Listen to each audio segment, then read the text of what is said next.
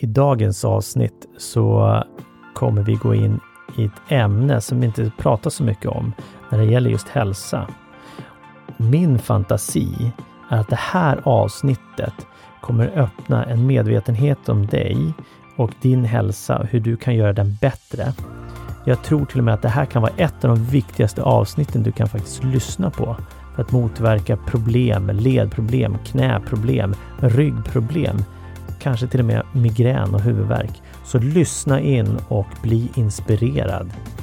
Varmt välkommen till Sälj och kommunikationspodden med supercoacherna min pappa Daniel Magnusson och hans poddkollega Mikael Kröger. Alltså pappa sa att jag skulle säga sådär, fast det är ändå sedan sant. Det båda är asgrymma coacher, så vill du få resultat utöver det vanliga på ditt företag eller i ditt liv, anlita Magnusson och Kröger. Du lyssnar på Sälj och kommunikationspodden och det är jag som är Daniel Magnusson och Mikael Kröger har jag inte med mig i studion idag, utan jag har en gäst med mig och det är då Sebastian Seppele. Ja, stämmer. Bra uttal. Ja, och vad bra. Jag verkligen koncentrerar mig. Jag mm. tänkte jag hoppas jag får till det rätt. Varmt välkommen! Tack så mycket Daniel. Jättekul att vara här. Det är ro riktigt roligt att ha dig här och eh, jag ser fram emot det här avsnittet. Och jag tänkte berätta lite kort för våra lyssnare då. Vad, vad är anledningen att eh, Sebastian sitter här? Ja, och hur träffades vi? Och det hände för några veckor sedan när jag var in och eh, skulle köpa ett par skor. Och eh, Eh, jag hade fått tips om de, den här butiken och eh, såna här skor. Och, eh, och jag kommer till din butik som du driver eh, här i Stockholm. Mm. Och du berättade kort om filosofin om, om skorna och så vidare. Och det är då barfotaskor, kallar man det, eller minimalistiska skor, eller vad skulle du säga att man kallar skorna? Ja, det, det vanligaste man brukar säga är barfotaskor. Sen eh, kallar vi dem faktiskt för funktionella skor. Och ja. Funktionellt kanske är lite uttjatat idag, allting ska vara funktionellt med funktionell mat, funktionella kläder, funktionell träning. Men, men det är faktiskt så att detta här är en funktionell sko den bemärkelsen att uh, foten får göra det den ska, därför säger man att den är funktionell. Mm. Sen, i barf sen säger man barfotaskor i gemene man kanske. Just det. För, och jag läste lite också, man pratar också om minimalistiska ja, skor. Ja, det stämmer. Hur som helst, jag träffade dig där och eh, jag köpte ett par skor. Eh, du var väldigt eh, Ja, på tå. Ja, du var på tå, precis. Du var på tå, mm. du var energisk, eh, fantastisk service också. Um, framförallt så, så gillar jag din energi och, och när du pratade om eh, just de här skorna och funktionen och så vidare, varf, varför det är så viktigt. Och jag kan ju köpa det och jag förstår det också, för jag har inte haft såna här vanliga skor. För de här skorna som jag köpte nu är ju för att bära till vardags. Mm. Eh, jag har ju löpt med Mirells eh, barfota trail ja. och sen även eh, Five Finger som jag löpte med för några år sedan. Uh, så jag förstår ju filosofin ja. bakom det. Men hur som helst, och då mm. kände jag så här, wow, det vill jag ha med i podden. Och det här är ju något ämne som jag känner Eh, folk behöver förstå varför vi bör ha de här. Så tänker jag. Och samtidigt så ska jag väl vara djävulens advokat också, för jag kan ju fortfarande ha svårt med utseendet av skorna i vissa fall. Eh, så det så. finns ju massor med föreställningar där. Ja, det gör det. Så, så innan vi går in på, på hela filosofin och bakgrunden av, av mm. med, med barfota löpning, barfota skor och så vidare. Så Sebastian, jag tänkte att du ska få presentera dig själv, för du, du är ju löpcoach också. Det stämmer. Och ja, berätta, vad, vad, vem, vem är Sebastian? Ja, vem han är och vad han gör, jag vet inte hur, ja, det, är bra fråga. hur det ser ut däremellan. Men eh, man kan väl säga, eh, när det kommer till frågan om vem jag är så är jag ju en människa som i grunden verkligen njuter av att vara i samspel med andra människor, att utvecklas, eh, prata, tänk, tänka, diskutera. Och eh, det är väl det som är anledningen till att jag är just en coach och just i detta fallet en, en löpcoach. Men jag coachar ju på andra sätt också. Jag coachar i träning, jag coachar i tankebanmönster och mm. Um, och då pratar jag generellt uh, människor, den vanliga människan om man säger, som, som behöver komma igång eller har stannat upp eller vet inte vad nästa steg är. Och det här är ju ingenting som jag har en stämpel och certifiering för nödvändigtvis att jag gör som jag säger så blir det bra utan jag vill ha det här samtalet med, eh, med deltagaren eh, som jag, som jag sitter där med. Um, och um, det har gjort att jag har hamnat i det här att vilja hjälpa människor mer och mer till att må bra. Mm. Och min bakgrund är ju att jag faktiskt som 17-åring började um, som fotbollstränare för min bror då som var, uh, han är ju ungefär nio år yngre. Eh, och då hjälpte jag till där som extra tränare. Sen blev det att jag tog över rollen mer och mer som huvudtränare. Och det, det passade mig väldigt väl för att jag tyckte om att inspirera redan då. Och jag tyckte om att, att komma nära eh, de här killarna som jag hade då. Eh, och se dem utvecklas och sporra dem. Och trots att de tänkte att men jag är väl ingen bra fotbollsspelare så vill jag visa dem att de har det i sig, bara de släpper loss det och inte jobbar med... flesta är ju rädda, man har ju någon rädsla som stoppar en. Mm. Och det såg jag ju själv att jag som 17-åring kunde hjälpa eh, 10 år yngre killar att trots att jag inte hade så mycket erfarenhet, jag kunde hjälpa yngre killar att ta nästa steg i sig själva. Mm. Och detta här har jag faktiskt fått en eh, bekräftelse på som jag är väldigt glad för. För att eh, en av de killarna jag tränade på den tiden är idag en väldigt framgångsrik eh, affärsman, människa. Manmänniska? ja, ja. manmänniska. Och eh, han kom fram till mig eh, på gatan där, eh, detta var i Malmö då när jag gick där på gågatan och eh, hans, han går rakt fram till mig och, och frågar mig om jag vet vem han är och jag hade ju naturligtvis inte träffat honom på säkert en 15 år. För de var ju 9-10 år gamla vid den tiden då när jag var deras fotbollscoach deras fotbollscoach. Och eh, han sa tack vare det du gav mig eh, i den åldern eh, så har jag till stor del eh, kommit, tack vare det kommit hit där jag är idag. Och han driver väldigt stora företag idag. Och han menar på att som fotbollsspelare var inte han den bästa. Han var inte den topp han spelade inte i första laget då. Man, man hade ju redan delat upp dem i den åldern i A, B, mhm. C och D-lag och han spelade faktiskt i D-laget. Där jag var då eh, tränare. Och då, då var det så att jag, nej, jag är väl ingen, jag är väl inte en lika bra människa som, som de andra. Mm. Men det vill jag få dem att förstå att så är det inte utan vi har alla den här potentialen att göra någonting stort med oss själva. Eh, oavsett om vi kanske har en, en lätthet eller ej till att göra det vi gör. För jag menar vissa har lättare att sparka en boll och, eh, på rätt sätt. Eh, andra behöver träna mer och jag gav dem den inspirationen och vägledningen att det här kan ni också göra. Och mycket riktigt, eh, vi spelade faktiskt mot eh, topplaget, A-laget då så att säga. Vi var ju det laget. Och vi förlorade bara med en boll, smålskillnad. Mm. Och det trodde ju ingen, men de såg det ju som en vinst. Mm. De trodde de skulle bli överkörda. Men de går upp och ställer sig och gör det de ska, verkligen i den åldern. Mm. Och det, eh, det är någonting jag fortfarande har med mig, vad som skedde när jag var 17. Och det, det har jag med mig idag. Så att coachningen blev ju eh, naturligt för mig att göra, fortsätta med. Och bakgrunden sen däremellan där jag är idag och 17 år är ju att jag har jag har ju rest mycket och då menar jag, jag har jobbat i, i många länder. Eh, det har blivit så. Eh, och då har fått se många olika kulturer och undrat till slut någonstans varför gör man så här och varför gör man inte så här. Och ändå så ser det ut som att alla fungerar, alla länder verkar fungera, alla, alla grupperingar som finns verkar fungera, alla hittar sin väg. Så att det mm. finns olika sätt att, att lösa det på, så därför det, om det finns en fråga finns det många svar. Och det är jag intresserad av, att hitta de här svaren beroende på vem man har framför sig. Um, ja, det... Och, och vad, vad, vad, vad, har du gjort de senaste åren då? Och uh, hur hamnar du där du är idag? Det som skedde var att um, jag halkade verkligen in på detta, nu kan man säga det med, med lite skämt här, men halkade in på ett bananskal i den här branschen som har att göra med skor och löpcoachning och egentligen biomekanik, alltså kroppars rörelsemönster. Läran om kroppars rörelsemönster. Uh, det var en, en, en, kollega som jag kände som hade börjat med det här. Att använda den här typen av skor, barfotaskor. Året är ungefär 2012.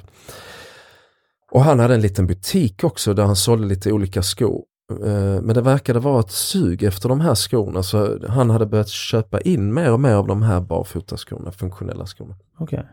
Och eh, då var det så att han hade familj och han behövde vara ledig en lördag och de hade ju öppet i den här butiken på lördagar. Mhm. Så han frågade om jag kunde hoppa in. Och då tänker jag så här, eh, stå i butik, ja, hur gör man det? Kassa, hur funkar det? Mhm. Vad ska jag säga till kunderna? Jag hade ju aldrig jobbat på det sättet eh, fysiskt i en butik att möta kunderna så jag, jag tänkte att det här kommer kanske inte bli så bra men jag vill ju ställa upp för honom. Han behövde verkligen ta ledigt den lördagen med sin familj. Och det var mellan 11 och 3 öppettiderna var så jag tänkte, ja men fyra timmar kan ju bara gå dåligt. Eh, men det löser man sen på måndagen. Det kan bara gå dåligt. Ja. Det är en skön inställning. Ja, det kan bara gå dåligt. Och jag tänkte, det kan, jag skriver upp alla fel som har begåtts så får han lösa det på måndag morgon. Men eh, faktum, det som hände var att jag kommer till butiken redan halv, jag, till halv tio så är det en bra stund innan klockan elva öppning. Och jag går runt där tittar och klämmer och känner på skorna. Och eh, när klockan blir 11, ja då öppnar jag dörren och är lite lätt skakig. Och den första kunden kommer in fem över 11 och jag försöker göra vad jag kan, börja berätta lite och vi hade fått höra av honom då. Mm. Eh, och eh, kunden köper en sko och går därifrån och jag bara tänker wow, är det så här man säljer i en butik? Eh, vad, Vad lätt det här var lätt det här va. Eh, sen, eh, sen gick ju dagen där och det kom in kunder, alla köpte ju inte.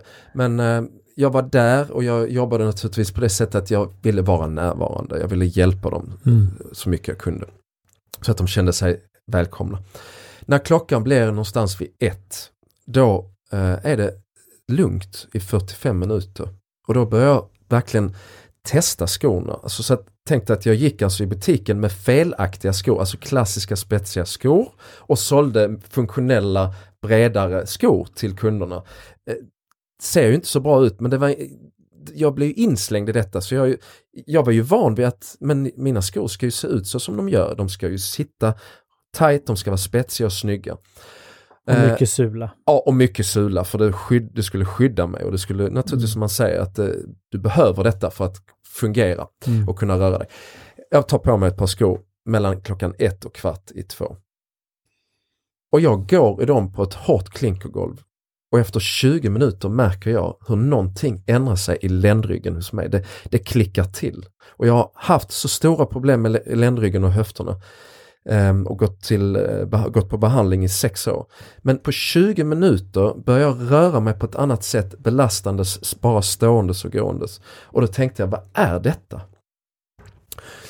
När kunderna kommer mellan ungefär två och stängningsdags, stängningsdags vid tre då säljer jag skor till nästan alla som kommer in. Det kommer en liten rush där. Och jag säljer mer skor där under den lördagen än vad de någonsin har gjort någon lördagar tidigare. Och då, sa, då säger ju min kollega där att du, eh, du kanske ska börja jobba med detta. och, och två månader senare så, så ansluter jag och börjar jobba tillsammans med honom. Och från den dagen, februari 2013, så har jag faktiskt bara gått i denna typen av skor. Jag har testat de klassiska skorna för att se vad som händer när jag går tillbaka till mina tidigare eh, dåliga mönster kan man säga. Eh, Mm. men eh, jag inser ju att eh, kroppen, just också för att jag är nu utbildad i London av Lee Saxby som är världens främsta löpcoach, barfotalöpcoach och biomekaniker tillsammans med Daniel Lieberman på Harvard University. Eh, så har jag fått en stor, större förståelse och det gör ju naturligtvis att jag vill inte se mina fötter tryckas och trängas ihop. Ja. Utan jag vill ha ett välmående som kommer från att foten är basen upp till resten av kroppen och, och när den fungerar så kommer mycket annat i kedjan upp, hela vägen upp till faktiskt nacken att eh, hamna på plats. Just det. Mm. Så det är jättespännande och vilken, vilken, vilken story kliver in. Och, du, och det där är också intressant tänker jag, det här som du säger, att, att du går runt då med fel sorts Ja. skor och försöker sälja andra skor och prata om hur bra de är. Det är ju som att, jag vet inte, du ska sälja eh, ja, Mac-datorer med de PC Ja, framför. exakt så. Eh, eh, exempelvis. Där satt den, bra, Mm. bra liknelse. Mm.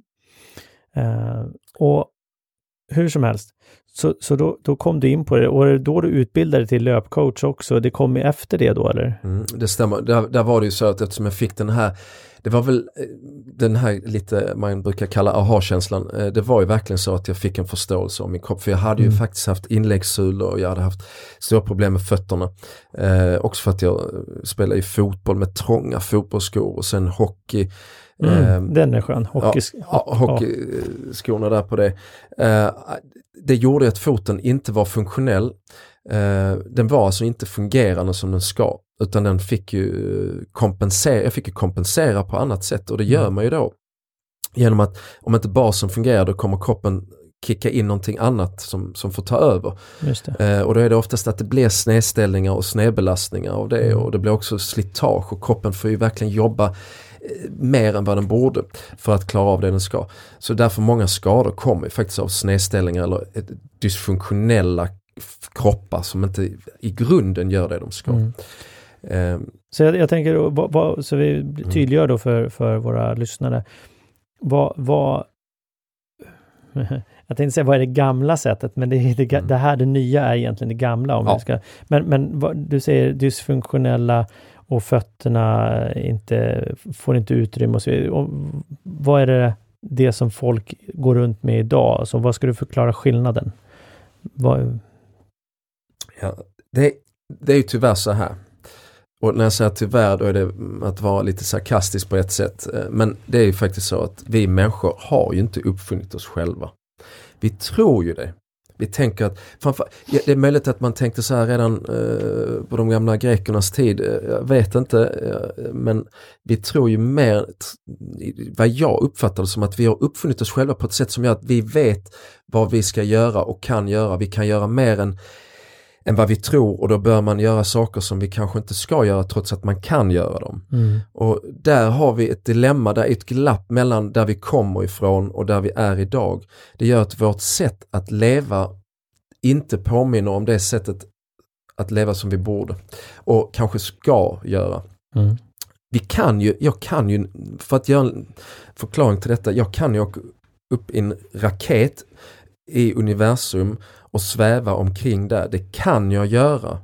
Men det är inte det vi är gjorda för och det är inte så, vad man har sett så är det ju inte så fördelaktigt för vår, våra fysiska kroppar att, att leva i tyngdlöshet på det sättet som vi gör idag i alla fall. När vi är ute och flyger i rymden. För det påverkar våra kroppar väldigt negativt eller rätt sagt de får jobba väldigt mycket på ett sätt de inte är skapta för. Utan mm. vi behöver gravitation och vi behöver eh, den här foten på, på marken. Mm. Och då är ju det basen till resten av kroppen. Så en funktionell sko gör det vi är skapta för att göra. En spetsig sko är ju mer fashion än function. Alltså mm. det är inte funktionellt, det är mer utseende. Och det kommer av olika historier. Eh, det finns, många, det finns en del olika historier till varför vi, våra skor ser ut som de gör. Där de faktiskt är spetsigast i mitten av, alltså den längsta delen av skon är från hälen i mitten av foten.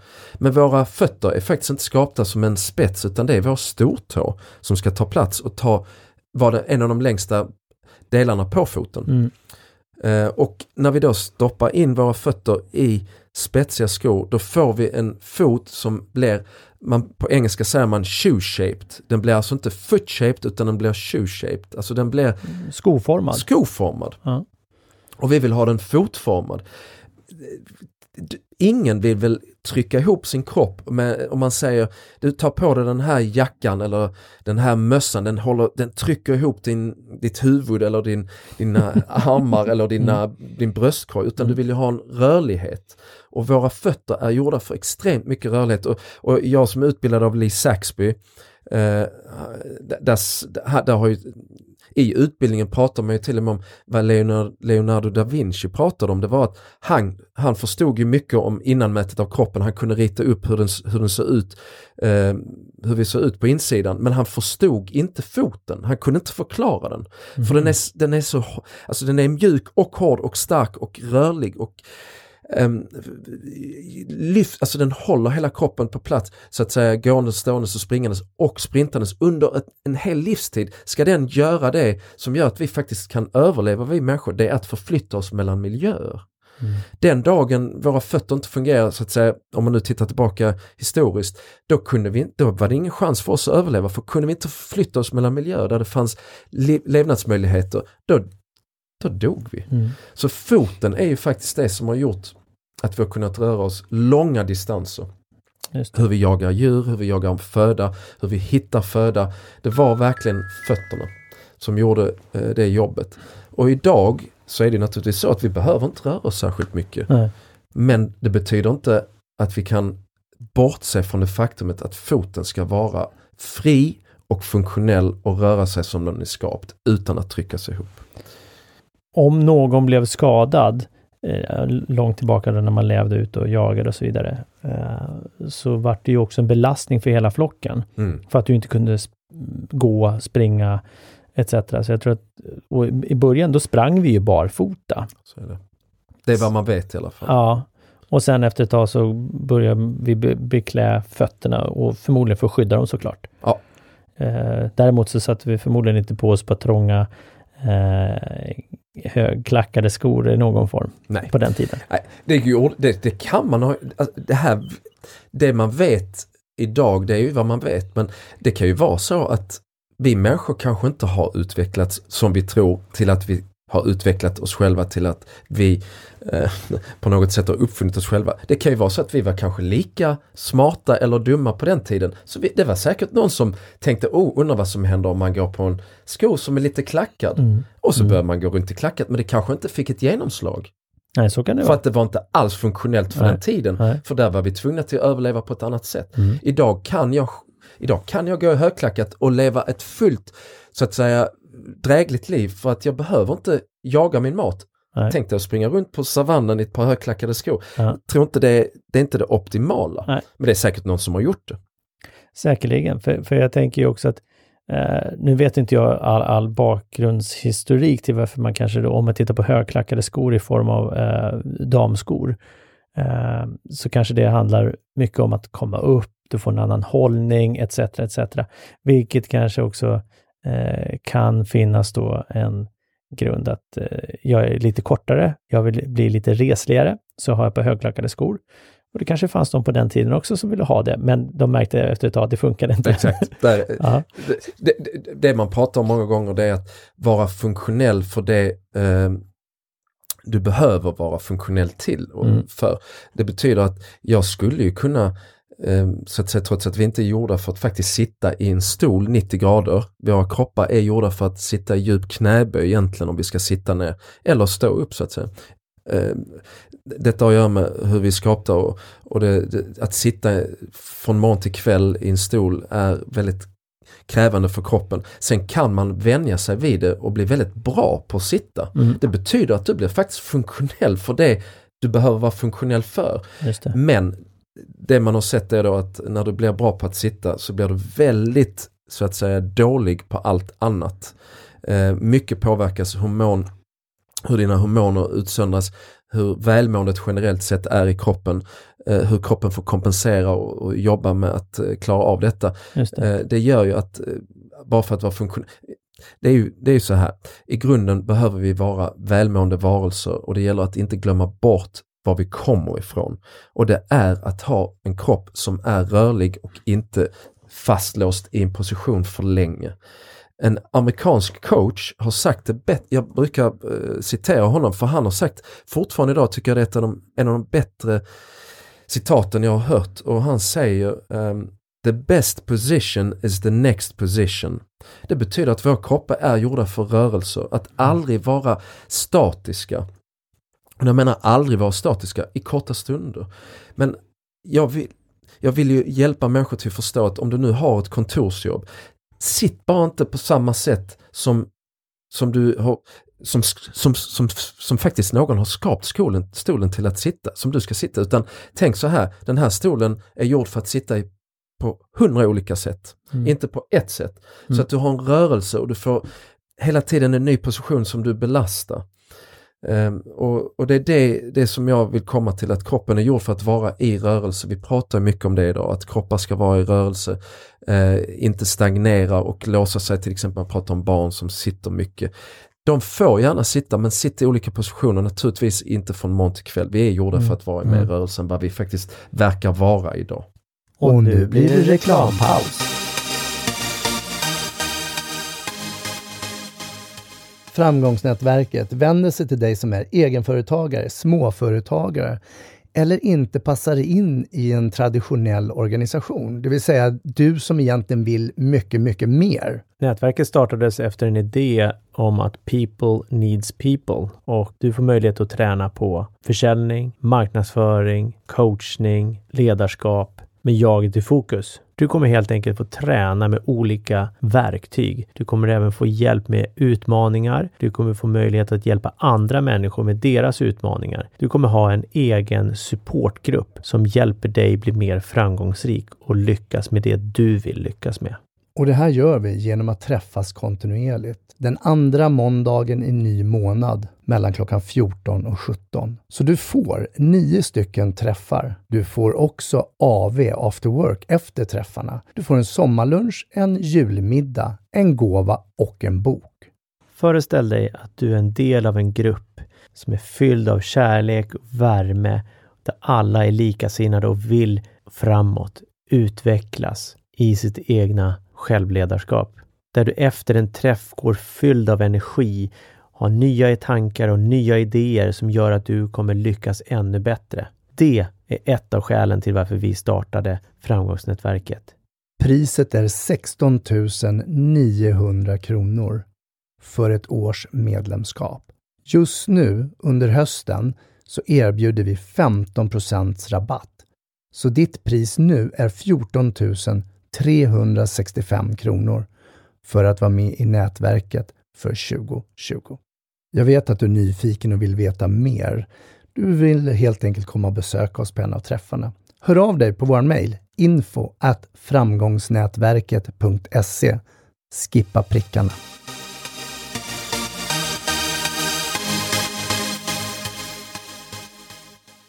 När tror du eller vad vet du om vad man säger när de här skorna som är mer smala började komma? Är det på 1100-talet eller är det tidigare eller? Mm, detta har ju växlat, eh, jag vet på 12-1300-talet var de till och med fyrkantiga och sen Mm. så har det gått tillbaka till olika former. Mm. Eh, den här frågan får jag ju naturligtvis ofta. Varför ser skor ut som de gör idag? Mm. Och där finns två förklaringar man, man brukar nämna och den ena är att göra någonting som är symmetriskt är lättare och billigare att tillverka. Mm. Så om du har någonting som är symmetriskt spetsigt då är det lättare att lägga materialet över och det är billigare för det är symmetri. Det är Mm. bara att stansa ut i symmetri och lägga på. Det gör att det är faktiskt så att det är, det är, man brukar säga runt tre gånger billigare att göra en spetsig sko än en osymmetrisk sko. En osymmetrisk sko är faktiskt de skorna som, som jag har på mig och som, som jag säljer också och som jag pratar om. För foten är nämligen osymmetrisk. Den är inte symmetriskt spetsig Mm. på ett sätt utan den har mycket osymmetri och det är meningen för att den ska kunna belastas på olika sätt os, o, beroende på vad det är för underlag. Mm. Så det här när det kom, men den senaste joggingskon som inte fanns innan 70-talet. Det, det fanns ju inga joggingskor med tjock häl, uppbyggd häl. Nej. Den kom ju på 70-talet för att man tänkte så här, ja men det här är ju jättebra. Då kan du landa på hälen när du springer, för egentligen är vi inte gjorda för att landa på hälen på det sättet som man Nej. gör en joggingsko, utan vi ska landa lite planare på foten, till och med lite framfot. Också beroende på vad det är för underlag. Men att springa en joggingsko som har en tjock dämpning gör ju faktiskt att alla kan göra det för att joggingen är nämligen gåendet, att gå på hälen och rulla över foten fram mot tårna. Eh, fast du gör det i joggingen i farten av att springa. Så att Mm. du kan alltså landa på hälen som vid gång, men du kan göra det vid, med en högre fart som innebär löpfart. Mm. Så du fortsätter faktiskt att gå, men i farten av att springa. Mm. Och det är jogging. Människan har ju bara tre växlar och det är gång, löpning, sprint. Joggingen är den fjärde växeln. Den sitter mellan Så, jogging. så, så, så, så gång, Ja, löpning Mm. Och sprint. Ja, det är de tre faktiska växlingar människan har. Nu är det så att om man jämför detta då med en häst som kanske har fyra skritt, eh, skritta, trav, galopp och, och jag menar eh, eh, även, du har ju till och med fler, du har ju fem om du tar islandshästen. Mm. Eh, så att den har ju upp till kanske fem växlar men vi människor har tre växlar. Mm. Så gång, löpning och sprint. Ja, Och barn, de löper hela tiden. så är det. Framförallt mindre barn. Ja, så är det. Ja. det är Sen när du är tonåring, då, då, då, då har vi en annan växel, hasning. Man släpar efter fötterna. hasning medelst släpning. Ja. Ja. Eh, så är det. det är barn, intressant att ta detta med barn. Barn springer gärna. De behöver, tänk dig så här. Ett barn behöver inte springa. Det är sällan man behöver springa till någonting eller från någonting utan man gör det för, av ren glädje Mm. och av att kroppen faktiskt fungerar och gör det den ska på rätt Mm, sätt. mm. Att springa kräver nämligen mindre energi än att gå. Jaha. Om du springer på rätt sätt. För du får en fjädring av att springa. Du aktiverar senor och ligament och faktiskt inaktiverar muskler. För Just att när du springer på rätt sätt så är det senorna som börjar jobba och då är det saker som vi har som är, vi är väldigt unika med eh, och som, som nästan ingen, ingen annan djurart har detta. Det är ju hälsenan. Vår hälsena är extremt kraftfull. Den kan du dra ut som ett gummiband och dra ihop och det skapar bara en fjädringseffekt så du flyger och studsar fram. Mm. Eh, Och sen har du också i höften så har det ju också blivit som spännband som Ja. När du tar löpsteg. Så Det är en fjädring. Ja. Ja. Fjädrar. Eh, så barn tycker ju naturligtvis det är kul att springa för att det är oerhört lätt och det går fort och det är... Eh, De är förmodligen väldigt stolta också. Jag kan springa för de har Ja. inte kunnat det innan. nej, det är också en del av Ja, jag har ju en kille på två och ett halvt år, han är snart tre i och sig. Och han springer ju hela tiden i stort sett. Vart han än ska så springer han ju. Eh, Och det är så härligt att se. Ibland kan han gå så här, men, men det är väldigt sällan. Mm. Det är liksom, det är när vi promenerar från ja, till parken och liknande, där det är väg och så vidare.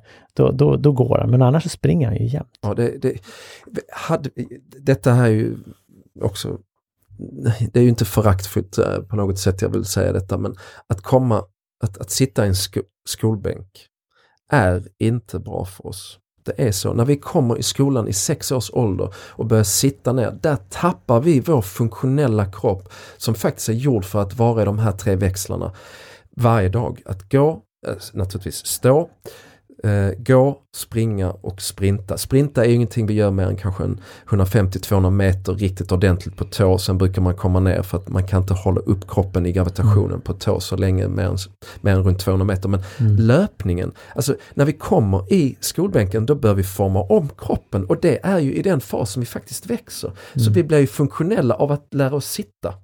Och det påverkar vår löpning. Det är därför det är svårt att springa när du har börjat lära dig att sitta. För att då är fjädringen som vi föddes med, den försvinner, den är inaktiv, den har faktiskt blivit pacificerad. Just det. Så då måste man aktivera den igen men det, det är väldigt trögt. Det är därför många tycker det är tråkigt att springa för det kommer inte naturligt. Som barn var det naturligt. Just det. Ja, och sen så tänker jag det, det handlar ju också om att du har förmodligen fel löpteknik invant också, för du springer ut med fel skor etc. etc. och så. Ja. Ja. Kommer, du med, kommer du in i skolan då, vi tar nu skolan här, jag menar inte att det är fel att vi är i, vi, må, vi behöver ju lära oss någonting och skolan har ju en fantastisk uppgift där. Men att sitta som vi gör och gör det 15 år framöver kommer att ta bort grund, alltså grundfunktionaliteten i våra kroppar för det de är skapta för. Mm. Sen har vi en hjärna så vi kan ju sitta och bli väldigt duktiga på att göra saker med vår hjärna. Men man har ju verkligen sett, sett att de som har både hjärnan och kroppen på plats, de får ju en, ett, en, ett annat välmående. Mm. Jag tänker också att, att st- ett stillasittande kan ju också döda kreativiteten, gissningsvis. Ja, det, det, det, det, ja, alltså det finns, finns många olika sätt att bli kreativ på men ett, Mm. ett, ett av de grundfundamenten för att göra det och bli kreativ det är ju att röra på sig. Ja. Men det här med löpningen och det här som du pratar om med skorna. Det är ju det att när du får jogg, skor med klack på dig då Mm. kommer du på automatik börja belasta foten och kroppen annorlunda. För då Mm. har du någonting som tar i först och då är det ju den här klacken. Just det. Hade du varit barfota så kan du själv se, prova själv att ta på dig ett par riktigt tjocka väldämpade joggingskor och gå med dem inomhus. Prova gå inomhus hemma hos dig själv och sen tar du av dem efter två minuter och så går du barfota så ser du hur du belastar foten och kroppen annorlunda. Och känner. Och känner också underlaget Mm. Mm. på ett annat sätt, vilket gör att faktiskt hjärnan är mycket mer inkopplad och vet vad som ska ske och vad som inte ska ske. Mm. I en joggingsko får du inte det som kallas proprioception eller på engelska proprioception. Det är feedbacken och signalsystemet från nervändarna i foten upp till hjärnan. Till exempel Mm. att vricka en fot Just är det. väldigt svårt när du är barfota. Men i en uppbyggd joggingsko, en uppbyggd sko som är tjock i sulan, där får inte hjärnan feedback tillräckligt snabbt genom materialet om vad som är på väg att ske. Och där vrickar många sina fötter Just av att det. bara de trampar lite snett. Men barfota är det nästan omöjligt att vricka en fot på för att du får signalen så pass fort till hjärnan Det- så det- den kan korrigera. ja, Ja, det sker ja. På mm, oerhört, alltså det, det är de snabbaste signalerna i kroppen. Det är från fotens undersula, alltså nervändarna i fotens hud, muskler, senor, ligament och fascia som går i en isolerad nervtråd upp i hjärnan.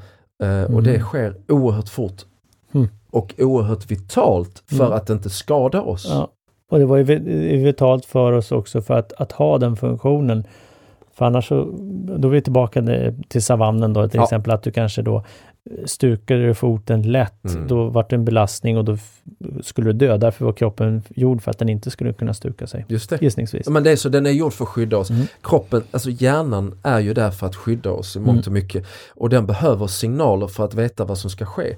Och när vi sitter mycket och vi går på tjocka sulor som också är då så kallade droppade, alltså att hälen är högre än fram, framdelen av skon. ja, då, då vet inte hjärnan vad som sker, för det är bara mjukt. Och när hjärnan bara får signaler om att det här är bara mjukt och skönt, Mm. ja men då behöver jag inte tänka och då behöver jag inte agera. Och jag vet inte heller hur jag ska, nu pratar jag för hjärnan i tredje person, Ja. då vet inte jag hur jag ska agera som hjärna heller. För att okej, här kan jag ju bara gå eller här kan jag bara Studsa runt studsa stu- runt. strutsa runt. Ja. strutsa runt. Eh, la- Jag brukar kalla det lalla runt Ja. eller Mm. slafsa runt till och med. Mm. Man, man är inte medveten om vad man gör utan man bara tar sig från A till B och vet inte ens vad som sker. Just det. Det, det är intressant det där. Eh, jag, jag sprang i tjurhuset här för ett tag sedan. Ja. Och eh, har du sprungit det någon gång? Nej, jag har inte gjort Nej. det. det inte. Eh, var ju kul. Vart väldigt lerig. Ja, det är det eh, som är halva grejen. Ja, det är väl hela grejen. Ja. Mm. Eh, och det finns ju egentligen inga eh, hinder som är så här tough viking och sådana saker. Men jag sprang i, i mina gamla Mirell-skor. eh, som är då för barfota, ganska vida i, i framfoten. I tåboxen. Ja, precis. Tåboxen, jag har lärt mig ett nytt ord. Ja. Eh, där i alla fall, så de hade jag. Och underlaget är som det är. Och på vissa ställen så sprang vi där de hade liksom, de hade fällt sly. Och så har man valt att lägga banan över sly, vilket jag spontant kan tycka är lite onödigt, för det finns ju en risk, skaderisk då. Jag halkade bland annat på dem och eh, ja, kunde gått riktigt illa. Mm. Men hur som helst, min fru springer också och hon har ju ett par gamla skor. Vi, sa, ja, men, för jag skulle ändå slänga mina för de var, det var dags att kassera. Eh, och min fru hade på typ A6 eller något liknande som då är mera den klassiska som vi nu mera kallar klassisk joggingsko. Ja. Eh, hon stukade foten två gånger. Jag vet inte om det är skorna eh, och kombinationen av underlaget eller inte, men jag stukade aldrig mina fötter. Det fanns inte risk och jag har väldigt lätt tendens att stuka mina fötter annars. Ganska slappa, eh, eller har haft slappa, vad heter det? Vad heter det där nere? Där nere vid foten, knölen, ligamenten, led, ledbanden. ledbanden. Ja, ja. Mm. Anledningen till att jag är tyst Daniel Mm. här nu, det är för att jag tänker att ibland vill jag låta tystnaden tala. Mm. När du nämner den här eh, berättelsen om din fru och hur ni sprang det här och, och vad resultatet var också då efteråt när man tittar tillbaka på det. Då vill jag låta tystnaden tala. För det är så att man kan titta på barn och djur. Djur som inte har haft skor på fötterna. Det finns ju djur, djurskor, häst, alltså, både hästskor och faktiskt eh, Hundskor. hundskor. Ja. När de får skor på fötterna så tappar de balansen. Mm. Och det kan man bara gå ut på Youtube och kolla hur det ser ut. Mm.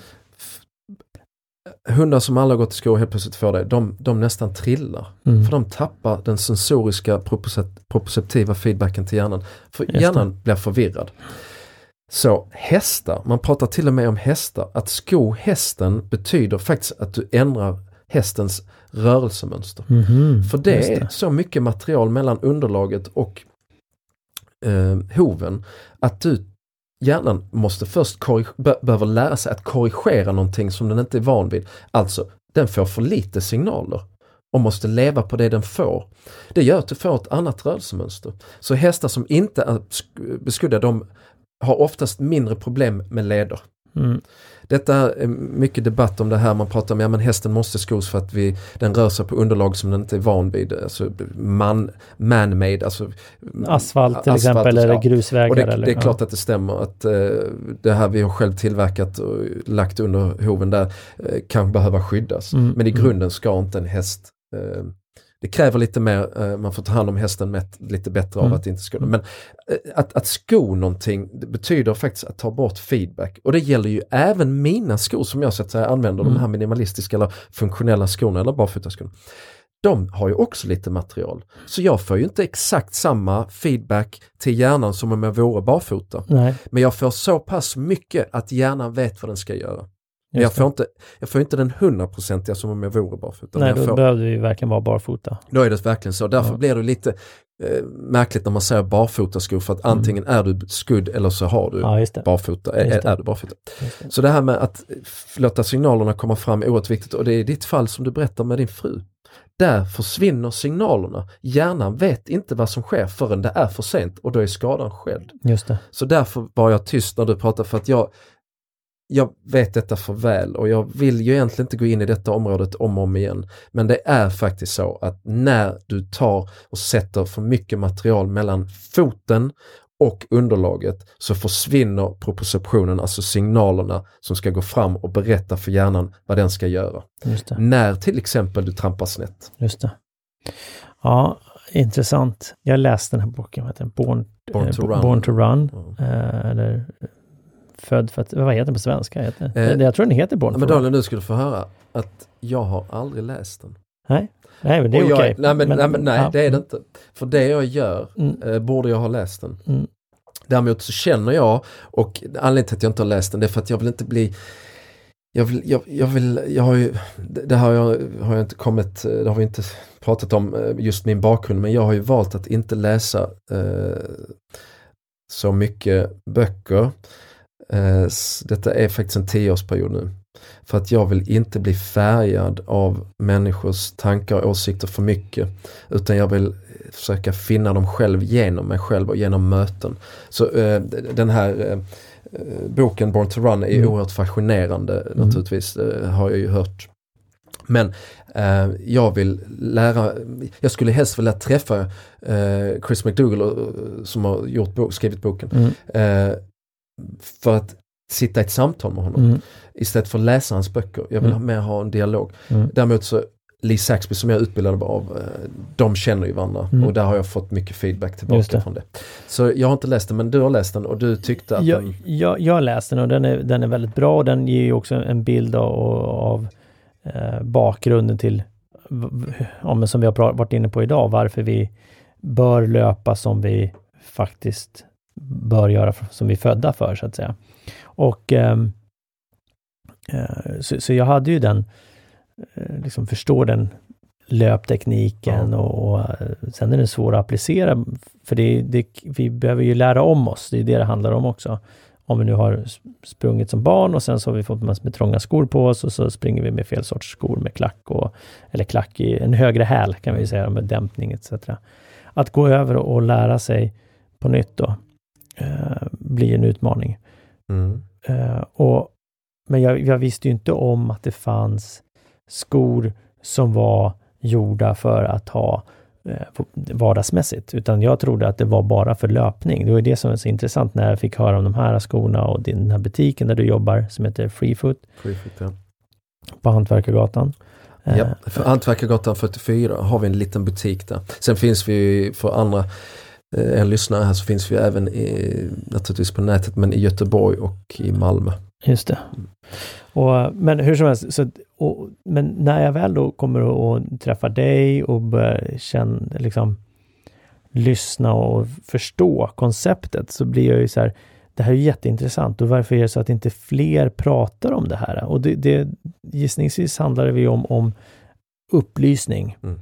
Och, och jag, jag fick ju liksom motstånd i mig själv. Liksom så, Oj, ja, skorna är lite bredare. Så, ja, det, ser, det här är inte vant för ögat, etc. etc. Um, sen, har, sen så finns det kiropraktorer, naprapater som inte alls pratar om det här, vilket är jättekonstigt också kan jag tycka.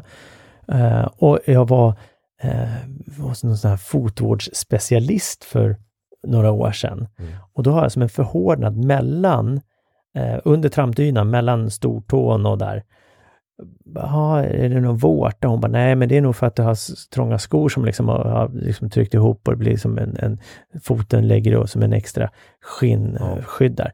Jaha, okej, okay, ja men då så. Ja, då slipar det med, typ, med fotfil. Typ. Ja. ja. Och så där, men vänta, där borde det liksom ringa en klocka Ja. hos mig, men det gjorde det inte såklart. Men jag tänker då en, en fotvårdsspecialist borde ju typ ja, Veta mer. Ja, veta kunna- mer. Ja, och inte så här, så här, den här filen är bra, Ja. den här oljan är bra, här är schysst nagellack och där bör vi liksom ja, Hallux Vallux och eller Hallux Hall, Vallus. ja, Hallux Valgus. Du, ja, nu, ja men Daniel, nu säger jag det. Ja, säger du det? Ehm, jag var också dum i huvudet. Det är så. Och jag är det ju, Så- så, så, ja, ja, så är jag fortfarande, så är det fortfarande, jag är inte, jag är, jag är fortfarande dum i huvudet och jag använder verkligen det uttrycket. För att jag visste heller ingenting. Jag hade problem med mina fötter och trodde att det var fel på mig, på Mm. min kropp, på mina fötter. Eh, Jag hade ju ändå läst om, om, om kropp, alltså, det var ju verkligen så här, jag är ju, jag är ju intresserad för att jag är coach också så, så är jag intresserad av, av eh, träning. Ehm, och jag hade ju naturligtvis någonstans hört och sett, för jag vet att jag träffade en coach en gång som sa till mig, du har, du har alldeles för tjocka uppbyggda skor, detta var långt innan. Mm. Eh, du borde ha mycket tunnare och bredare skor. Mm. Men du vet, jag tänkte så, nej men det här behöver jag ju, jag behöver ju den här Mm. dämpningen, jag har ju inte den dämpningen Jag har ju problem med knän, jag har ju problem med Exakt. höft, jag har problem med ryggen etc. Ja, etc. och du vet det höll jag fast vid, snacka om att vara, att någon lyfter dig till en ny nivå, men du är så dum att du inte förstår det. Ja. Och då tänker jag så här, alltså vad är det mer i livet som jag är dum i? Där jag inte förstår. Ja. Och vad är det vi människor inte förstår som, Mm. som någon vet men vi har inte tagit oss till, Mm. tag, tagit eh, till oss den. Så det här är ju ett, eh, ja, det är, ett, det är ett dilemma att vi tror att vissa saker ska vara på ett visst sätt för att vi är födda in i det, på att Ja, det ska vara på ett Exakt. visst sätt. Och, och, det, och här har vi ju åt, eh, vi, innan vi körde igång den här podden pratade vi lite om rädslor, just Ja. det här med en, ena eh, som jag brukar nämna, det är att en rädsla är ju rädslan för att vår hälsa, vår kropp, att vi kan skada oss, det är därför vi backar när vi står på ett stup eller liknande. Den andra rädslan är ju för att vi inte ska bli accepterade och få tillhöra. Mm. Eh, Och, och här har, det är ju här vi har stora begränsningar, exempelvis i det här, när vi tittar på mode. Eh, vi måste ha kläderna på ett visst sätt och hade du fel jeans eller liknande, hade varit, på, jag vet inte när du är född, men min tid då var det så här, det var 501 när man skulle ha i Levi's. Mm, hade man inte dem så, så Ja. var man inte populär. Nej, så. Eh, och så kom de stackare med Coop-byxor och så Ja. vart de mobbade. Ja, Kanske. ja, Men, men det, det, det som händer, där, där, och där, där lär vi oss på något sätt väldigt tidigt att vi måste ha en viss, viss utstyrsel, om vi nu pratar Ja. utseende då, eh, för att bli accepterade och skorna ska se ut på ett visst sätt, för annars passar vi inte in i normen utifrån vad alla andra har. Och då tittar man på då, i ditt fall då när du pratar om, ja men vänta nu, Eh, och du har ju fått lära dig länge också, ja men du behöver ha här skor, du går till eh, löplabbet, du går till Stadium, Intersport, whatever och träffar de här specialisterna och gör situationstecken för dig som inte ser här, eh, som då ska då stå och eh, hjälpa dig hitta skor och så filmar man och du pronerar och Ja. ja, etc. Ja. Så är det klart, du, du, du får ju den eh, informationen och du litar ju på de personerna för de verkar ju veta. Och då kan de ju också kanske göra, men i vissa fall kanske inte. Ja. Det, det jag kommer till är att, att vi, vi, vi, köp, vi, vi köper ju in på det här, den fantasin och den tron. ja, men det är ju koncept, det är ju, många, det är ju alltid ett koncept Mm. och faktum är att det var ju en kund som kom in, eller en, en, en, hade en coachning av en eh, klient som sa, ja men detta här med, med barfotaskor, det är ju ett koncept. Och då Mm. sa jag, ja men om detta är ett koncept, då är ju människan ett koncept. Mm. För detta är faktiskt så vi skapar och när man tittar tillbaka på hur vi, hur vi faktiskt mår bäst i våra kroppar så är det när vi får låta kroppen vara fri och inte i statiska positioner och låsta positioner. Utan att den får vara i rörelse och komma i ytterlägen, att den, får, att den verkligen får användas. Så, eh, Men vad menar du den personen med koncept, att det, liksom, att det ska säljas? Ja, liksom, det var det exakt. Det var okay, det jag ville komma till. Den här menade på att men nu säljer du in ett koncept och då sa jag nej, jag säljer, du, och det slutade med att jag sa så här, men du, jag vill inte ens att du ska köpa en sko av mig jag vill att du börjar gå barfota. Mm. Och då sa han ju naturligtvis, men det kan jag ju inte, jag kan ju inte gå barfota nu för det var ju sent, också sent på hösten. Där.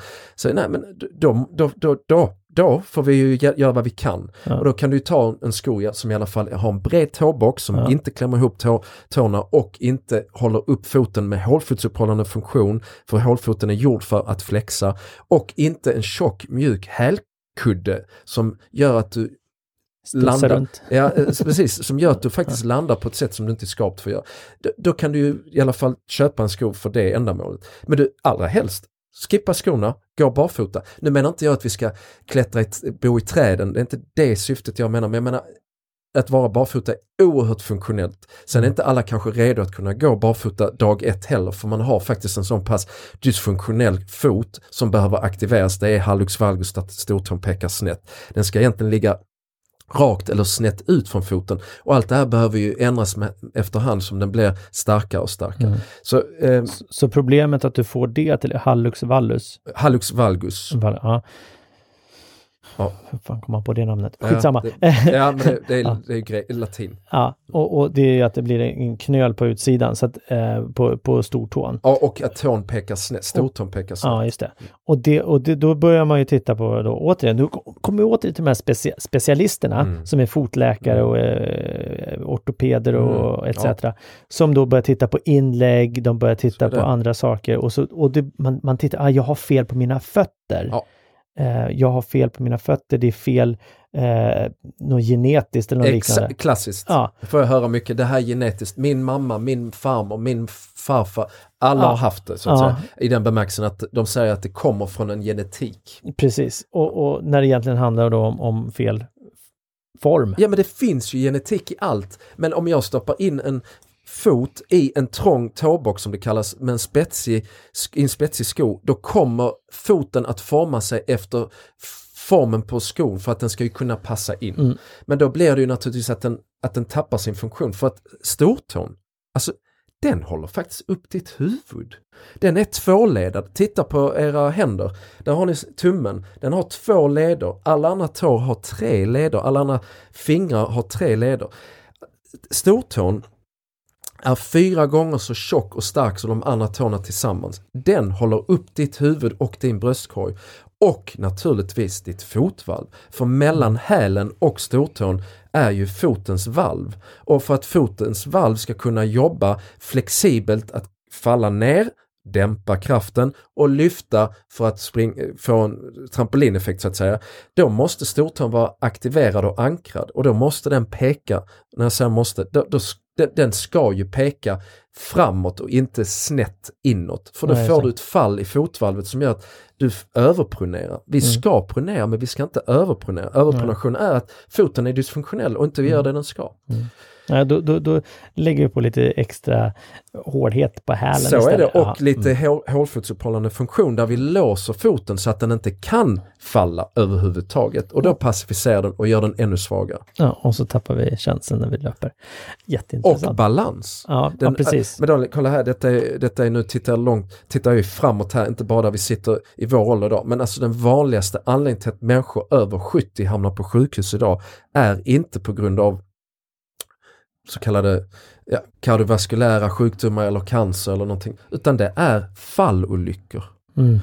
Människor faller som furor kan man kalla eh, det. det anledningen till att människor hamnar på sjukhus över 70 på grund av fallolyckor, det är för att de inte vet vad som händer när de trillar. Mm. Signalsystemet är så pacificerat och, och dämpat att när, när man är på väg att trilla så vet man inte att man är på väg att trilla. För att fotens signalsystem upp till hjärnan är avdomnat. Mm. Och foten borde kunna korrigera fallet redan innan fallet sker. Men man, man har inte den kopplingen. Nej. Och det då, vad gör man då? Då pratar man, okej okay, då behöver vi lägga mjuka mattor.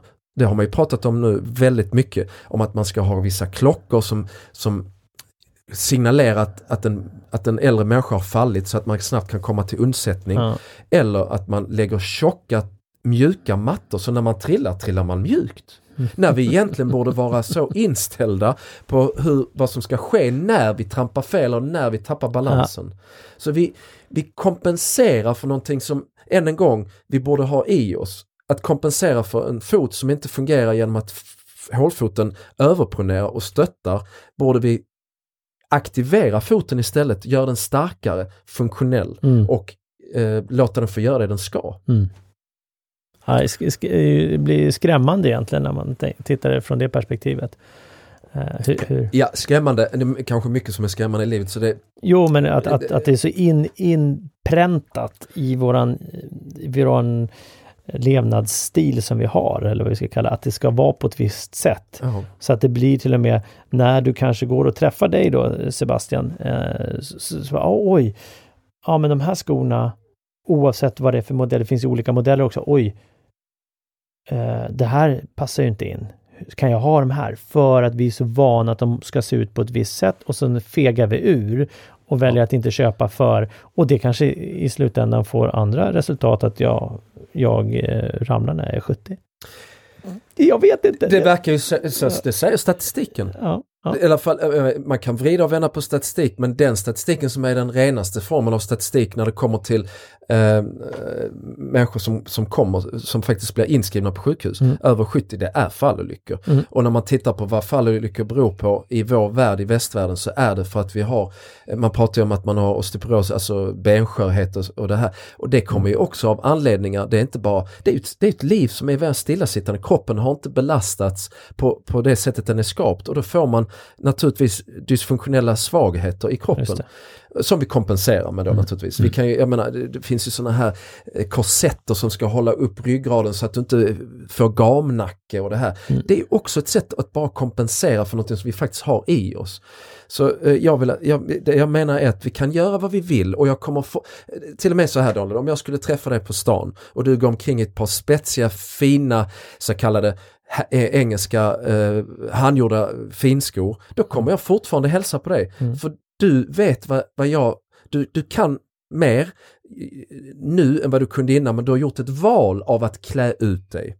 Du har valt att klä ut dig för det syftet och ändamålet du vill. Det betyder att okej, okay, du vet vad du gör och du har valt väg. Däremot är ju problemet det, de som kommer till mig eller de jag pratar med som inte förstår det för att de inte har fått kunskapen och blivit medvetna om hur faktiskt foten och kroppen är skapt för att fungera. De menar ju då på, nej men jag behöver de här inläggssulan, jag behöver den här pelotten som mm. håller upp hålfoten eller måttens neurom eller symptom som man kan ha när nerven kläms i framdelen av foten. Och en tjock hälkudde som låter, eh, som skyddar foten och gör, gör eh, någonting med den som som faktiskt inte är tänkt att göras men den gör det för att du ska kunna röra dig med den dysfunktionaliteten du har. Till exempel, jag har mm. problem med fotvalvet så därför för att jag ska kunna gå till jobbet eller stå på jobbet till och med så går, måste jag ha den här inläggssulan mm. för att kompensera. Mm. Och det är det som man kan göra som däremot i det långa loppet gör att du bara försvagar din kropp. Mm.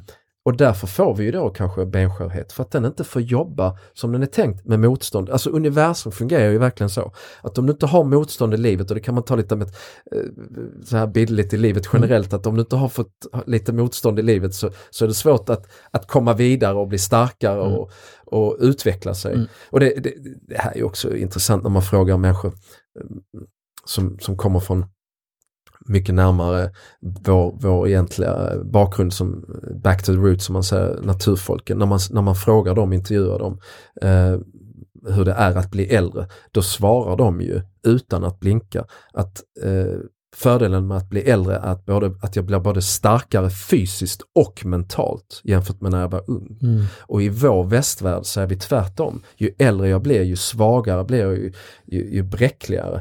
Eh, möjligtvis säger man att man blir lite starkare i, i, i, man lär känna sig själv bättre så mentalt blir man lite starkare eller kanske också känslomässigt men rent fysiskt pratar man att vi blir svagare ju äldre vi blir. När det faktiskt är tvärtom för att du har ju ett helt liv att, att stärka dig. Mm. Att hitta varför, vad kan jag göra för att bli en starkare människa i min kropp eller må bättre.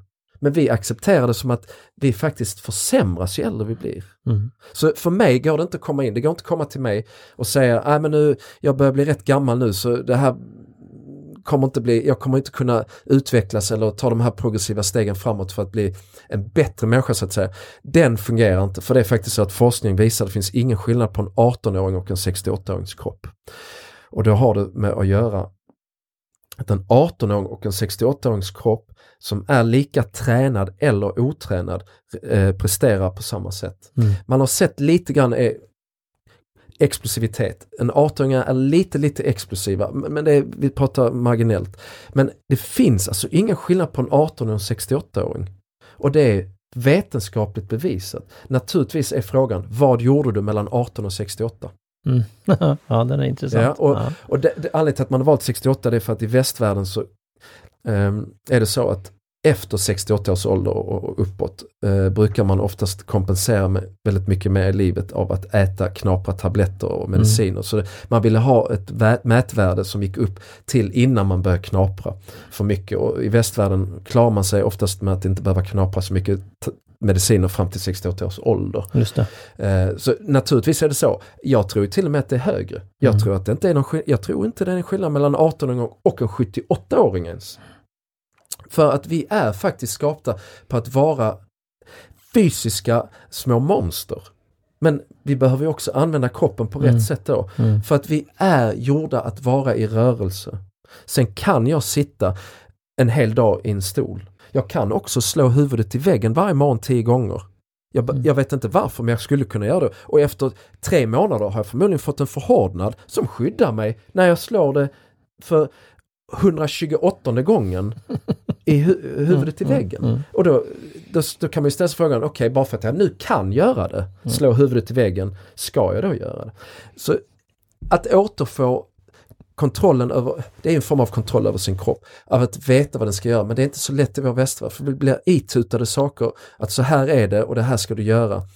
Men det är kunskapen jag vill förmedla. Mm. Så jag säger det än en gång, ni får gärna gå i vad ni vill, allra helst barfota. Ni får gå i vilka skor ni vill, men var medveten om att det viktigaste för foten är att tåboxen, alltså bredden fram till, är så pass vid att du inte trycker ihop dina, ihop dina tår. För du vill ju inte heller trycka ihop din hand på det sättet. Du skulle inte vilja ta på en handske som trycker ihop dina fingrar. Nej. Utan du vill ju röra dem och känna att det du greppar har du kontroll på. Och det är så med foten också, det är så starkt kopplat med händer och fötter till Mm. hjärnan.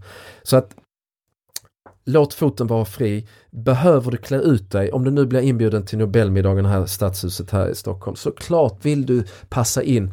Ta på dig dina högklackade skor, ta på dig dina finskor med spetsiga, eh, en spetsig tåbox. För det ändamålet, alltså ikväll vill jag passa in, ikväll vill jag se ut på ett visst sätt. Men, Och klä ut mig, det är Ja. underbart. ja det är inte ja. klä upp sig utan Ja. det är klä ut sig. För det är faktiskt vad vi gör, vi klär ut oss för kulturellt för det vi ska Mm. eh, passa in. Absolut. Och i, i det här fallet så är det så, ha skorna på dig fram till att ceremonin är avslutad och sen när det är fram, fritt fram på dansgolvet som det brukar vara på, nu har inte jag varit på Nobelmiddagen men vad man läser, därefter ta av dig skorna eller ha med dig ett par extra skor i bakfickan som du byter till. Det här har jag sett, jag var på bröllop i, i somras. Eh, alla, och nu säger jag alla och det är bildbevis på detta, när kvällen, vi hade det formella, man sitter och äter och man har det trevligt naturligtvis då. Men när, när borden sen skulle rensas från dansgolvet som det blev, då tog alla av sig skorna. Detta var ju på sommaren, detta var ute i skärgården, så det är klart att det är en annan känsla där. där Mm. Blev man barfota kanske på ett annat sätt. Men alltså, att se alla dansa barfota och hade lagt sina skor åt sidan visar på hur vi faktiskt mår bäst. Ja, men det är ju bara att testa själv. Prova eh, dansa hemma och sen så dansar du barfota. Alltså dansa med skor och sen dansar du barfota, exempelvis. Ja det är rätt och det kan du säga också på musiker. Musiker älskar, vi har en stor kundgrupp till oss är ju musiker och Mm. sångare.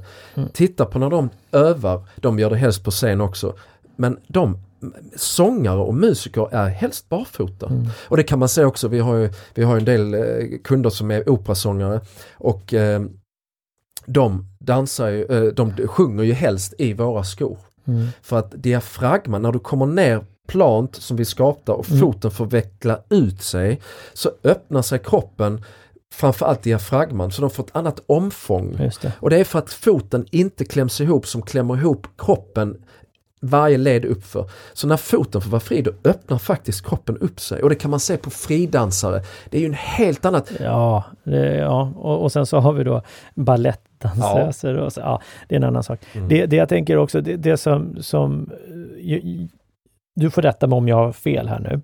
Men är det så att du har problem med hålfoten, eh, knäleder, löparknä, ont i höften, eh, ont i ryggen, ont i nacken, migrän, någonting som, som inte bör vara som det är, kan det härledas till vad du har för skor? Kan, eventuellt, ja. tänker jag. Ja, men, eh, det, ja, men Daniel, eh, vi är ju inne på frågan här um, som är grunden egentligen till varför vi sitter här. Det är ju för att vi vill ju, vi vill ju förstå varför vi är här på jorden egentligen. Mm. Vi vet, ingen vet ju varför vi är här. Eh, det är möjligtvis att någon vet det men den har inte berättat det för mig. Ja, eller så tror de det. De eller, exakt, så kan det ju vara. ja. Vi vill ju veta mer om oss själva. Mm. Och eh, du har ju bjudit in mig för att jag vet någonting som jag har lärt mig av världens främsta eh, faktiskt eh, människor som, som eh, kan mer än den vanliga människan eller mm. till och med specialister för de har verkligen satt sig in i detta ämne.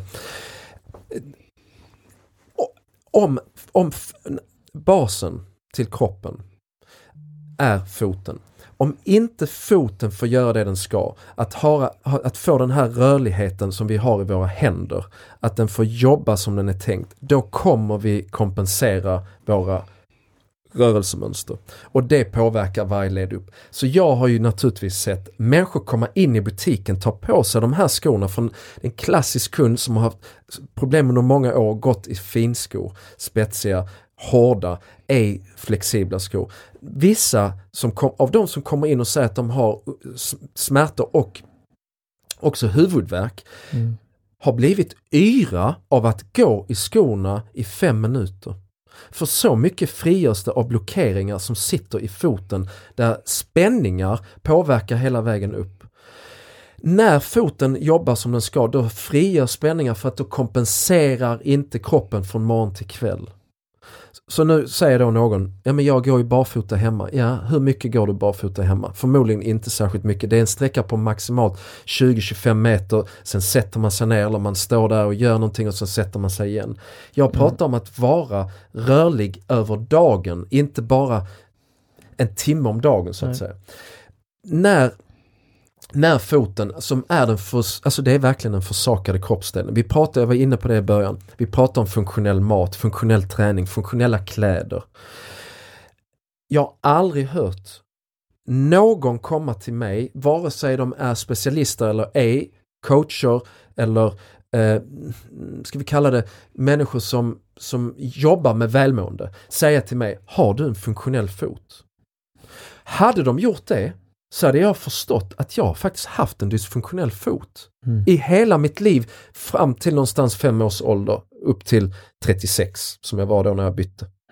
Och ändrade eh, 35-36 och bytte bytte hela tankesättet om rörelsemönster, inte bara vad jag har på fötterna utan också hur jag rör mig. Mm. Jag rör mig annorlunda, jag går mycket mer upprätt. Mina axlar häng, är, är, är, inte framåt, jag har inte den här lätta gamnacken jag haft innan och det här ständiga framåtlutet utan nu är jag mer rak mellan öra, axel, höft och isättning. Det är som en rak linje.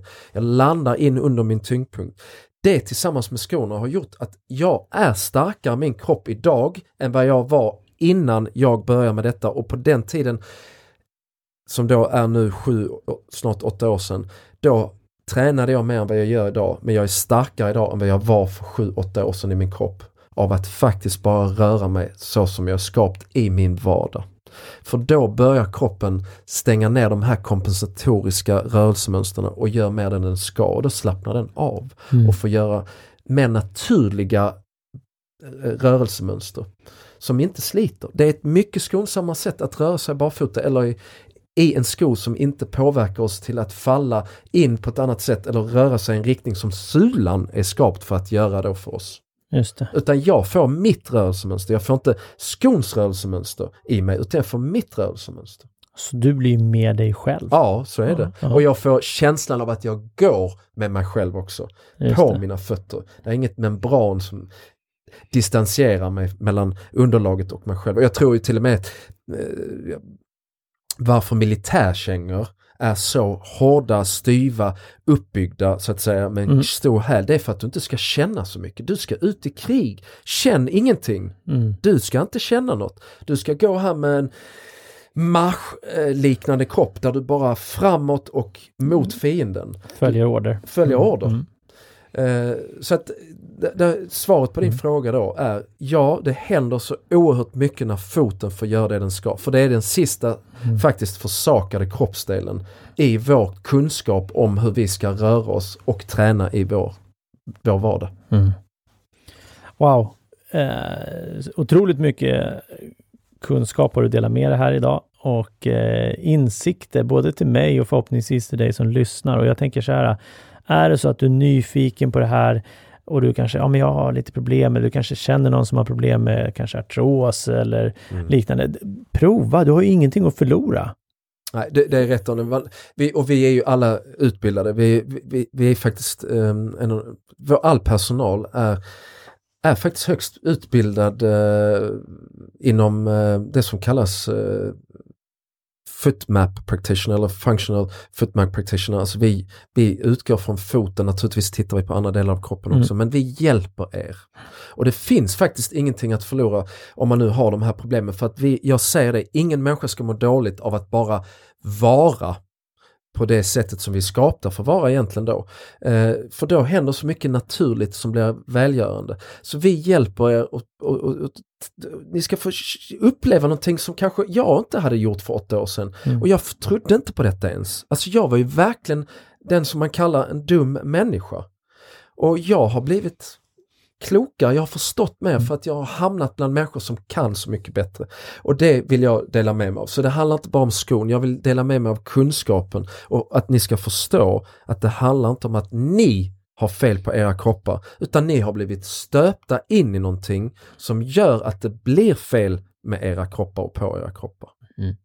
Så din dumhet, eventuella dumhet, handlar alltså om din icke-medvetenhet. Så är det. Trots men jag var ju dummare än så Daniel. Jag var ju till och med medveten om vissa saker men tog inte det till mig. Nej, men så är det Då är frågan, då är ju frågan var jag medveten? Det vet jag ju då kanske. Men, men jag, var jag var tillräckligt eh, dum Mm. för att inte förstå mer att ta ett steg till. Och det är därför jag kan se det från all, människor som kommer från en bakgrund som jag, att hjälpa dem vidare. Just det. För jag har själv gjort den resan. Mm.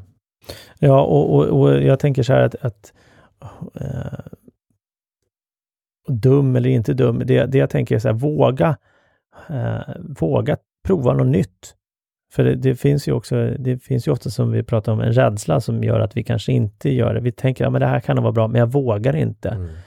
Ja, då får de väl komma till oss då. Ja, pappa, precis, Daniel, där, du får ta dem i steg ett där. Ja, och prata rädslor. Mm. Eh, men det är ju faktiskt den kombinationen som det handlar om. att Det är inte bara produkten skon i sig, Nej. det är ju vad du gör i den. Det viktiga är alltid vad du gör i skon. En sko kan sen hjälpa och stjälpa. Men eh, det är faktiskt som man har sett studier på människor som har levt barfota större delen av sitt vuxna, eller eh, ska vi säga så här, större delen av sitt liv, Mm. som får gå i en sko som är uppbyggd. Mm. Som vi har i västvärlden med en trång tåbock som är spetsig och den är uppbyggd i hålfoten och i klacken av skon. De går faktiskt likvärdigt som de hade gjort om de hade gått barfota. Mm. För de är så, deras rörelsemönster är så det är så förfinat Mm. att de, de smutsar inte, de, de förändrar inte det bara av att ta på sig fel sko. Nej. Därför, därför menar jag det här att det viktiga är vad du gör i skon men sen kan en sko hjälpa och stjälpa. Om Mm. jag skulle börja gå i en spetsig sko som är uppbyggd och hållfotsuppehållande funktion till slut kommer jag ju få problem igen. Mm. Men alltså det här med att, att eh, tänka på vem jag är och att jag inte ska ha några problem, jag ska faktiskt ha en välmående kropp. Mm. Oavsett bakgrund. Mm. Eh, då utgår vi från att eh, göra det som kroppen är gjord för att göra. Mm. Och där började med faktiskt det klassiska ståendet och gåendet.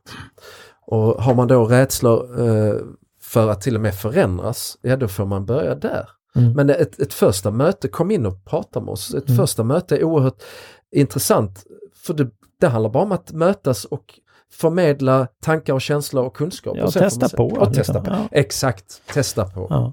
Och jag, jag, träffade en fotograf eh, också eh, innan jag kom till dig som hade era Joe Nimble-skor, de här business-skor. Ja. Eh, och han sa, när jag börjar använda de här och jag står hela dagar och fotograferar på events, möten och bröllop etc. etc. Och sen jag börjar använda de här så har jag aldrig problem med ryggen längre. Mm. Uh, och, och, då kan man ju tycka att det är jättekonstigt, för de har ju ingen sula, det är ingen dämpning och så vidare. Men, men hans kropp jobbar som den ska göra helt enkelt. Ja, det, var ju det, det, det är ju där jag kommer ifrån. Jag hade oerhörda problem med ländryggen och mm. nedre delen av ryggen, ryggslutet där. Och det, jag har ju inga ryggproblem längre. Mm. Alltså alls. Jag, jag försöker känna efter för jag vill, har jag någonting någonstans? Nej.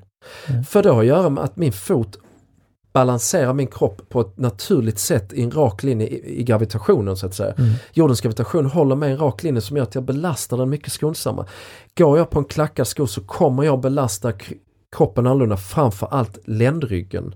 För den får aldrig komma ner plant som vi skapta. Den är ständigt i en snedställning. Det. Och det gör ju att du belastar den under, därför är det så här, det, det är inte det tar ju några år oftast innan det blir en effekt som är att man får problem. Eh, men det får jag höra ofta, jag, de kommer in och så säger de till mig, alltså helt plötsligt, jag vaknade upp en morgon och så hade jag jätteproblem med ryggen. Mm. Det är naturligtvis något som har skett successivt ja, ja, under lång tid. Det är inte bara ja. över en natt. Så den här fotografen, att han upplever då eh, en enorm skillnad i ryggen, det är för att hans kropp plötsligt belastas som den är skapt för att belastas. Just det. Vi har inte gjort någonting, vi har inte lagt till något, vi har inte tagit bort något, vi har bara gjort det som den är skapt för att göra. Mm. Och där får man en effekt. Mm. Så. så, så vill du testa på och se hur det är att eh, gå i skor som faktiskt eh, kroppen är gjord för att gå i, skulle jag säga. Mer att gå i, om du inte ska gå barfota då. Eh, så är man välkommen att komma förbi din butik. Ja, på Hantverkargatan ja. 44, ja. Kungsholmen. Och, och, så kan du hänvisa att du har lyssnat på det här poddavsnittet så får du hela 10 eh, rabatt. Ja, och naturligtvis är det så att nu är det 10 på, på eh, en, en sko, men det ingår ju naturligtvis att, vi, att du blir ju faktiskt coachad på plats också. Mm. Så det handlar inte bara om att gå in och köpa en sko från hyllan utan vi ska lära dig och titta på dig och lyssna på dig mm. vad du har för problem så att vi får hjälpa dig med det jag sa, att det är viktigt vad vi gör i skon också, vem mm. du är. Så att det är en kombination av grejer här vi vill erbjuda er mm. lyssnare. Mm. Så tror inte att det är någon snabbbesök utan ta en halvtimme ja, det, det, ja, och du får gärna stanna längre. Vi har ka gott kaffe där också. Ja. Du får gärna, det som är kul är ju att det här är en butik som har blivit en, vi kallar den destinationsbutik, det är en samlingsplats. Folk sitter, alltså det, det, här, det här är ju kul, det måste jag bara berätta. Eh, när det kommer in fler folk i butiken så slutar det många gånger med att de sitter och delar erfarenheter sinsemellan. Mm. Och då kan det vara så att jag står borta i ett hörn vid kassan och bara lyssnar och tittar. Mm. Jag är inte ens med, utan de hamnar i djupare diskussioner om, om varandra, alltså de lär känna varandra, inte bara att de är här av ett syfte utan de får helt plötsligt reda på saker om deras, var de är uppväxta, vad de har gjort fram till nu. Alltså det blir verkligen intressanta samtal, jag har suttit så många gånger och lyssnat och där är det bara för att helt plötsligt börjar man bli medveten och den en person har någonting att dela med sig till den andra vad den har upplevt av att kanske göra då, använda sk våra skor, vad de har vad som har hänt på vägen mm. och det vill de dela med sig mm. av. Så att jag är många gånger bara i bakgrunden och tittar på och tänker det här älskar jag, för nu sitter vi runt den här lägerelden som vi saknar i vår värld. Vi har våra lägereldar men de är alldeles för artificiella. Det saknas ju en eld även här i butiken. Jag, hade gärna tänt eld på, på någonting i butiken. Om vi suttit runt den på stora eh, stenblock eller, eller äh, trä, loggar. Men eh, det här med att sitta runt och bara dela med sig. Där, där har vi mycket att vinna. Och då ska vi också eh, passa på att säga, det, det är ju så här att vi har ju lyssnare lite här om var i, i, i, eh, i landet och i världen faktiskt. Så är det så att du vill köpa skor och inte kan svänga förbi Hantverkargatan eh, och träffa Sebastian så kan du eh, fortfarande hänvisa till det här. Mm. Eh, om du går till butiken nere i Göteborg eller Malmö. Ja. Eh, vill man köpa någonting i, via nätet då får man väl dra ett mail till dig på eh, Sebastian.se och se stavas eh, socker och Erik. socker? Ja, det, så det glömmer man inte. Sebastian.se mm. at freefoot.se. Ja. Och det är på freefoot.se som man också kan gå in och titta på, ja, hitta butiker och adresser och, och även uh, se skor och så Ja, vidare. och även läsa på mer om, om kunskapen och just om uh, kroppen och foten och hur vi, vare sig man vill bli en bättre löpare eller bara må bättre mm. så står det en hel del där också och man mm. kan klicka sig vidare. Fantastiskt. Ja. Strålande. Tack snälla eh, Sebastian tack för att du var här idag och tack för att du har lyssnat och tack för att du är nyfiken på att bli ännu friskare och bättre. Hej! Hej! Tack för att du har lyssnat på det här avsnittet. Och både Daniel och jag uppskattar enormt mycket att få feedback och recensioner. Så Daniel, hur gör jag för att skriva en recension? Du går in på iTunes och sen sätter exempelvis då fem stjärnor och sen skriver du även en kommentar om vad du tyckte var bra med just den här podden. Och svårare än så är det inte. Och om våra lyssnare vill följa oss då på olika sociala medier, vart hittar de oss? De hittar oss exempelvis dig, hittar mig på coach Kroger på Instagram. Mig hittar den på coach Magnusson på Instagram och sen har vi även då Magnusson Kroger som är då för själva podden. Och nu sitter ju våra lyssnare och så tänker åh, den där personen skulle jag vilja att ni har som gäst. Eller att ni tar upp det här ämnet. Vart hör de av sig? De skickar ett mejl till info magnussonkroger.se. Och så pass enkelt är det. Jajamän. Tack så jättemycket.